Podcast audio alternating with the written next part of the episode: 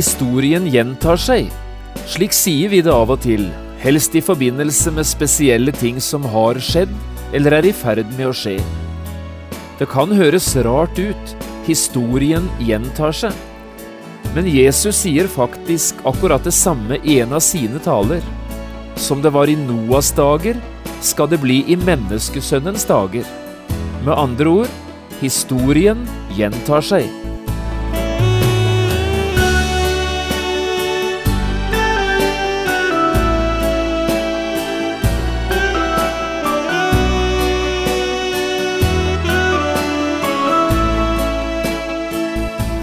Hjertelig velkommen til et nytt program i serien Vindu mot livet. Programmet er produsert av Kristen Riksradio og blir ledet av Jon Hardang. Dette programmet er produsert med støtte fra Havila AS.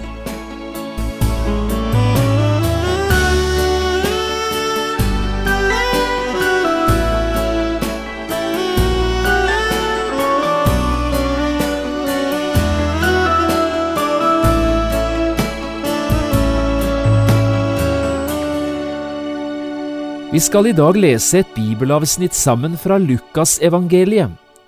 Utgangspunktet for historien vi nå leser, er et spørsmål til Jesus fra noen religiøse ledere. Hvor er Guds rike hen?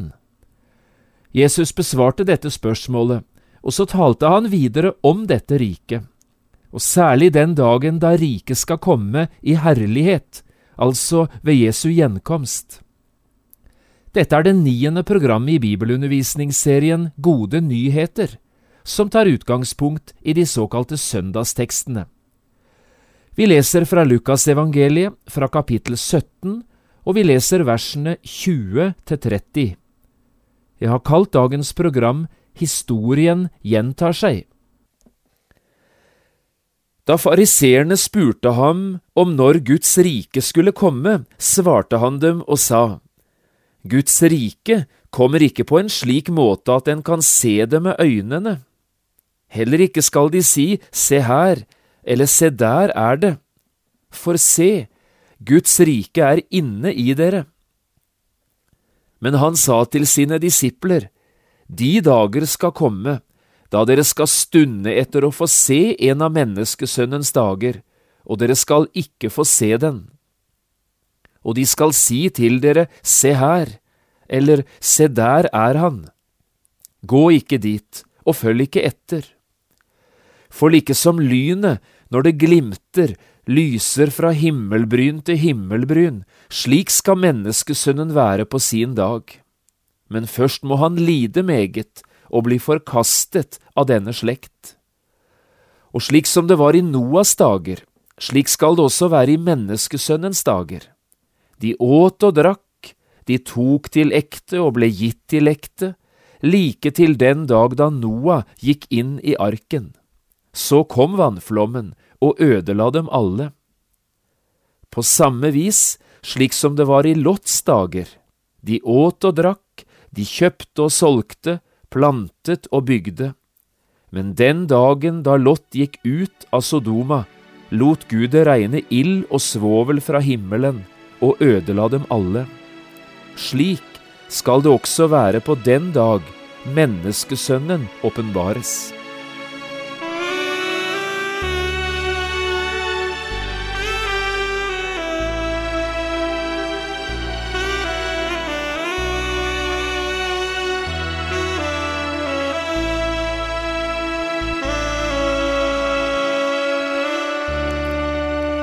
Historien gjentar seg. Slik sier vi det av og til, helst i forbindelse med spesielle ting som har skjedd, eller er i ferd med å skje. Det nærmer seg for eksempel starten på cupfinalen i fotball.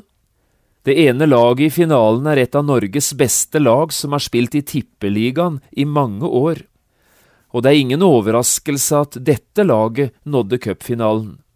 Men det andre laget, det kommer fra andre divisjon, og det er litt av en sensasjon at det laget skulle komme til Ullevål.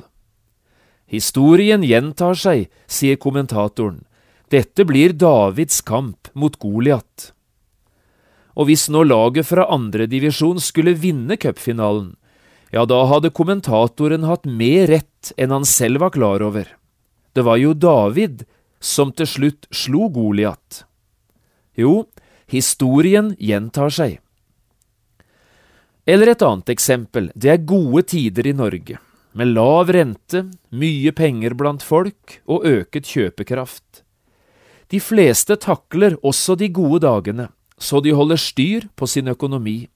Men ikke alle. For noen går det helt over styr. De kjøper og kjøper, de låner og låner, og det til stadig dårligere betingelser. Og så, en dag sitter de der, belånt til langt oppover ørene. Så stiger renta dramatisk, det blir gjeldskrise, og så har vi igjen mange nye gjeldsslaver. Det skal god rygg til å bære gode dager.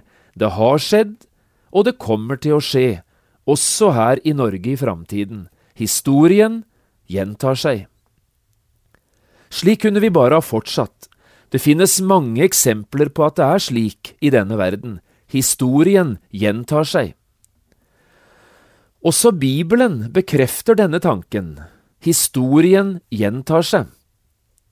La meg få nevne et par eksempler. Jeg tenker på Salomo og det han skriver i Predikantens bok i Det gamle testamentet. Hør på dette fra kapittel 1 og vers 9. Det som har vært, er det som skal bli. Det som er hendt, er det som skal hende. Det er intet nytt under solen. Historien gjentar seg. Eller jeg tenker på Jesus, i det bibelavsnittet vi nettopp nå leste sammen. Som det var i Noas dager, sier Jesus, slik skal det også være i menneskesønnens dager. Og så fortsetter han, på samme vis slik som det var i Lots dager, slik skal det også være på den dag menneskesønnen åpenbares. Jo da, også Bibelen bekrefter dette, historien gjentar seg, det er intet nytt under solen. Når jeg nevner dette her, er det ikke bare fordi det er sant, men også fordi dette kan bli til hjelp for deg og meg, både som mennesker og som kristne. Det går nemlig an å se seg tilbake, se på mennesker som har levd i tidligere tider, og så lære av dem, både av det som gikk godt og av det som gikk galt, for historien gjentar seg.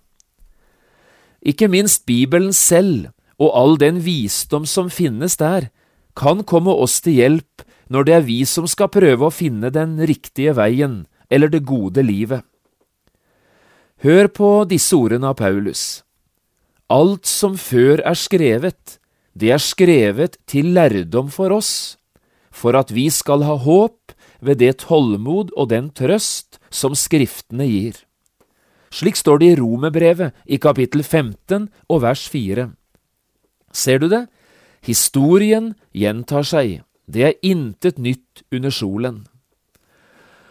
Og la oss nå ta med oss denne sannheten og bruke den som en slags nøkkel i møte med det bibelavsnittet vi leste sammen fra begynnelsen i dag. Det første vi skal understreke, er dette. Bibelavsnittet vi leste, taler om Jesu gjenkomst, eller den dag menneskesønnen åpenbarer seg, slik Jesus sa det i vers 30. Jesus kommer igjen. Men hør nå, han som kommer igjen, det er jo han som har vært her før. I vers 25 sa Jesus, men først må han lide meget og bli forkastet av denne slekt. Han som kommer igjen, han har altså vært her før. Med andre ord, historien gjentar seg. Og prøv nå å legge merke til hvor mange ting som er parallelt når det gjelder forholdet mellom Jesu første og Jesu andre komme.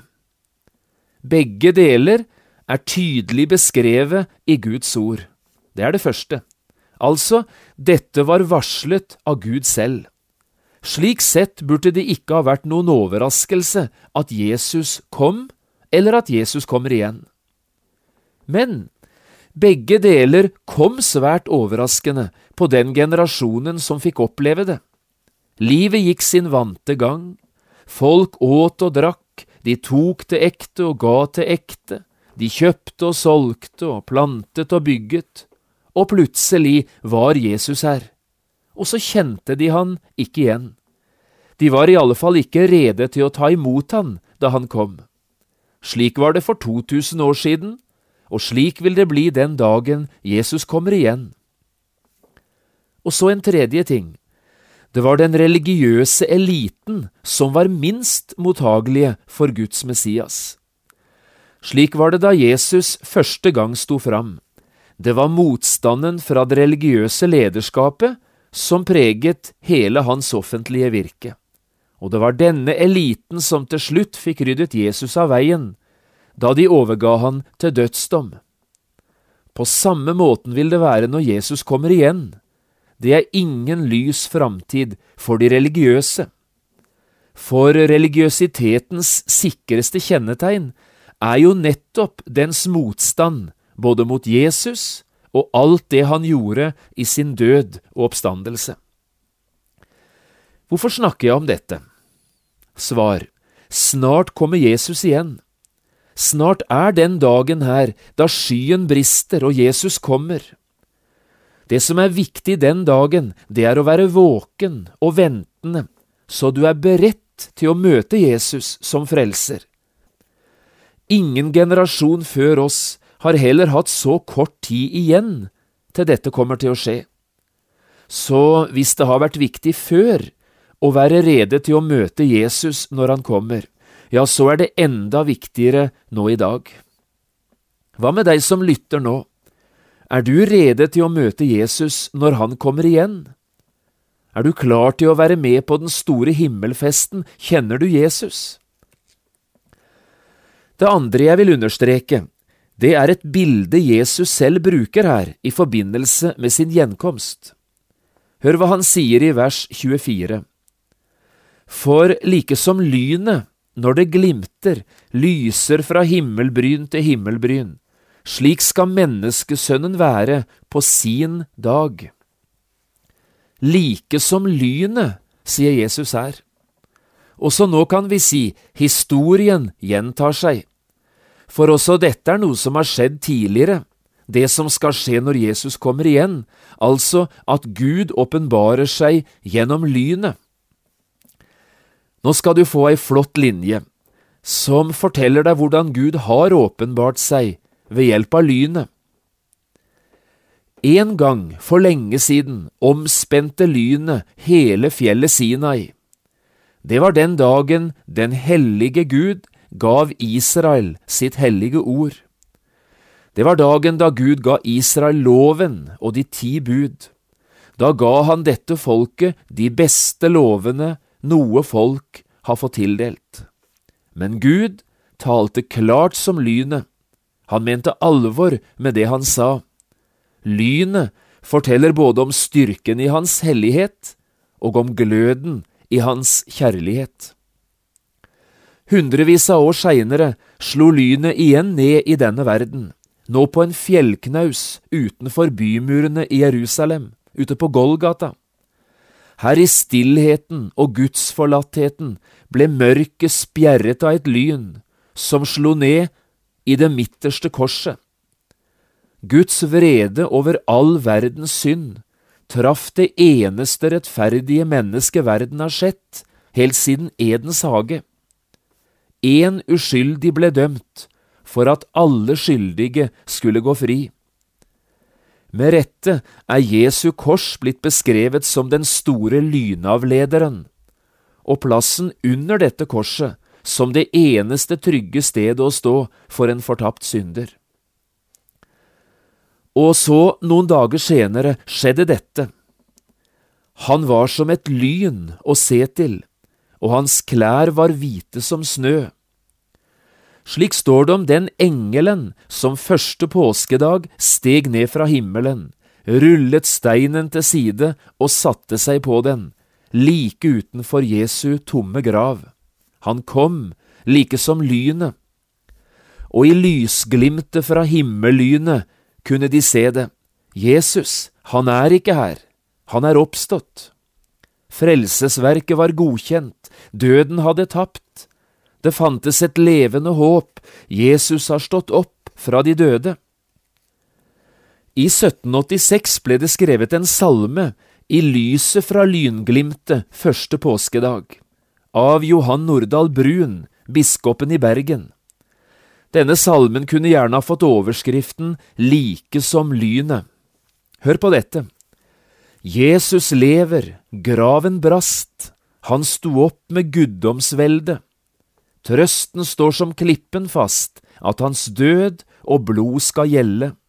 Lynet blinker, jorden bever, graven brast, og Jesus lever. Jeg har vunnet, Jesus vant, døden oppslukt er til seier. Jesus mørkets fyrste bandt, jeg den kjøpte frihet eier. Åpen har jeg himmelen funnet, Jesus vant, og jeg har vunnet. Og så leste vi det altså her om Jesu gjenkomst. Like som lynet, når det glimter, skinner fra himmelbryn til himmelbryn, slik skal menneskesønnen være på sin dag. Jo da, historien, den gjentar seg. Det er bare ett sted det aldri er noe lynblink å se. Det er når Jesus går til en hjertedør og banker på, fordi han så gjerne vil inn. Da skjer det som en gang skjedde på profeten Elias' tid. Herren var ikke i ilden, han var i den stille susen. Jeg vet ikke om du har opplevd dette, du som lytter nå. Jesus kom, han banket på, og du forsto nok at det var deg det gjaldt, han ville inn.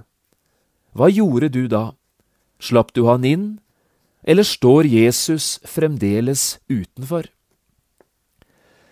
Det tredje jeg vil si litt om, det må være det Jesus konkret sier her om Noah og om Lot. Han sier det jo rett ut, historien gjentar seg. Hør hva Jesus sier, slik som det var i Noas dager, slik skal det være i menneskesønnens dager. De åt og drakk, de tok til lekte og ble gitt til lekte, like til den dag da Noah gikk inn i arken. Så kom vannflommen, og ødela dem alle. Og Jesus fortsetter med enda et eksempel fra bibelhistorien. På samme vis slik som det var i Lots dager. De åt og drakk, de kjøpte og solgte, plantet og bygde. Men den dagen da Lot gikk ut av Sodoma, lot Gud det regne ild og svovel fra himmelen og ødela dem alle. Historien gjentar seg, som det var i Noas dager, og som det var i Lots dager, slik skal det være i menneskesønnens dager, altså i tiden før Jesus kommer igjen. Hva var situasjonen da Noah levde, eller på Lots tid? Jo, det leste vi om her. For det første, livet gikk sin vante gang.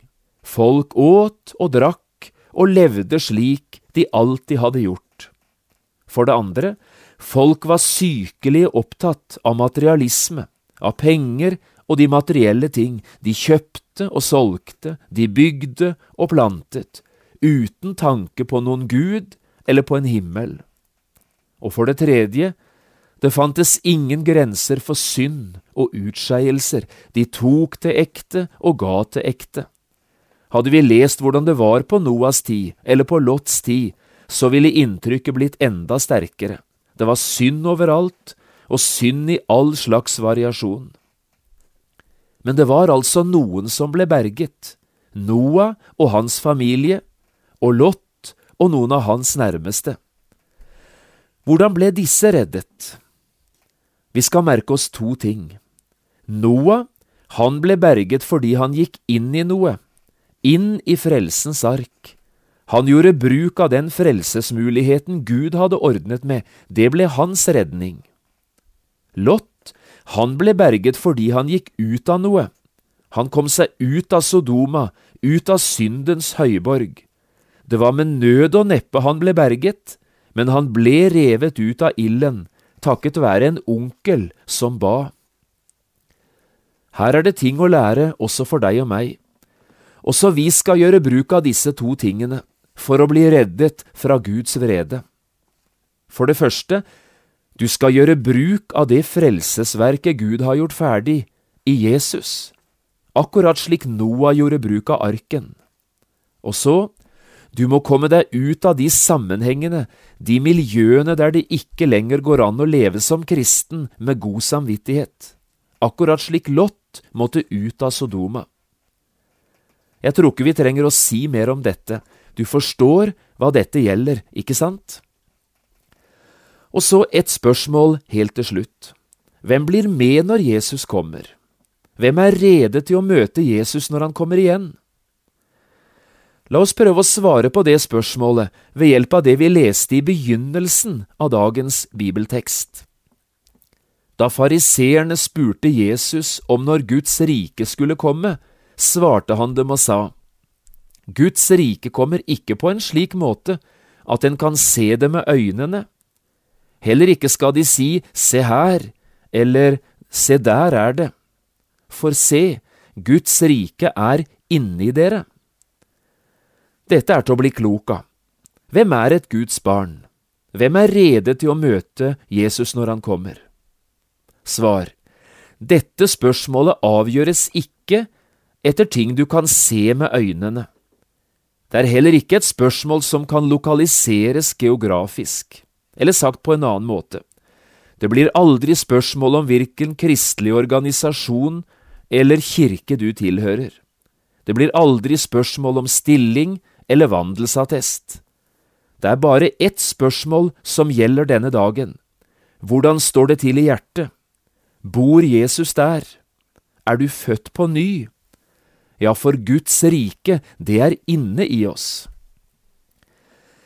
I en radiogudstjeneste for nylig fortalte biskopen i Bjørgvin, Ole D. Hagesæter, om en gudstjeneste han var med på i et fengsel. Det var stuvende fullt på denne gudstjenesten, og noen av de innsatte måtte til og med sitte på alterringen. På denne gudstjenesten var det en av fangene som skulle synge. Han hadde møtt Jesus, var blitt frelst, og så hadde han siden skrevet noen sanger om Jesus.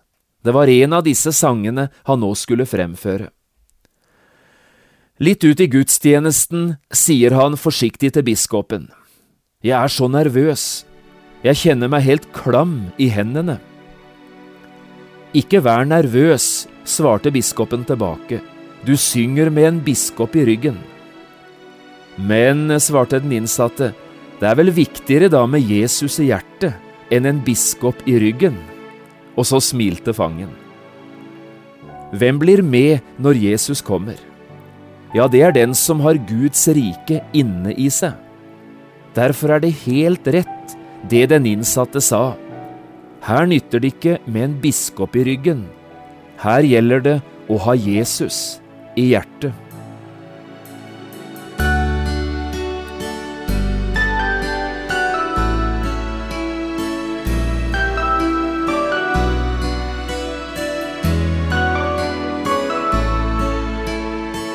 Du har lyttet til et program i serien Vindu mot livet med John Hardang. Programmene i denne serien kan også kjøpes på CD fra Kristen Riksradio, eller høres på internett på p7.no. Har du spørsmål eller kommentarer til det du nå har hørt, kan du ta kontakt med oss. Adressen er Kristen Riksradio, Skiene 2, 5353 Straume. Eller send en e-post vml alfakrøll p7.no. Takk for i dag, og på gjenhør.